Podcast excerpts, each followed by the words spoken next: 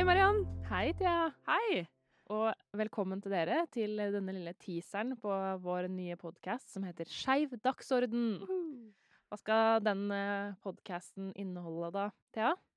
Den skal inneholde aktualitetssaker, hvor vi snakker om alt som rører seg på det skeive feltet.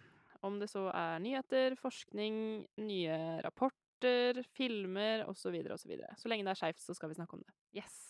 Og så kommer vi også til å lage noen temaepisoder. Og de kommer vi nok til å slippe når vi ikke får spilt inn episoder i ukedagene. For vi skal spille inn på onsdager og legge ut på torsdager. Annenhver torsdag, for å være mer spesifikk.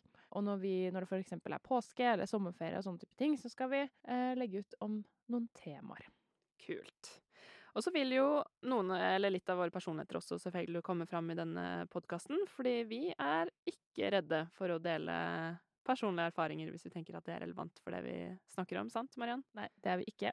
Men vi kan jo kanskje fortelle litt om hvem vi er, og hvorfor vi snakker om akkurat dette temaet. Skal ikke du fortelle litt om deg selv, Tia?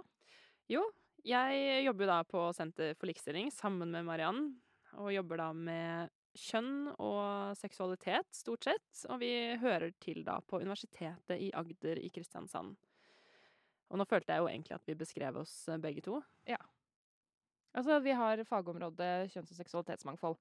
Og kommer til å ta det med inn i podkasten. Kanskje vi snakker om litt av det vi jobber med også, eh, når det er relevant. Ja. Og hvorfor lager vi podkast?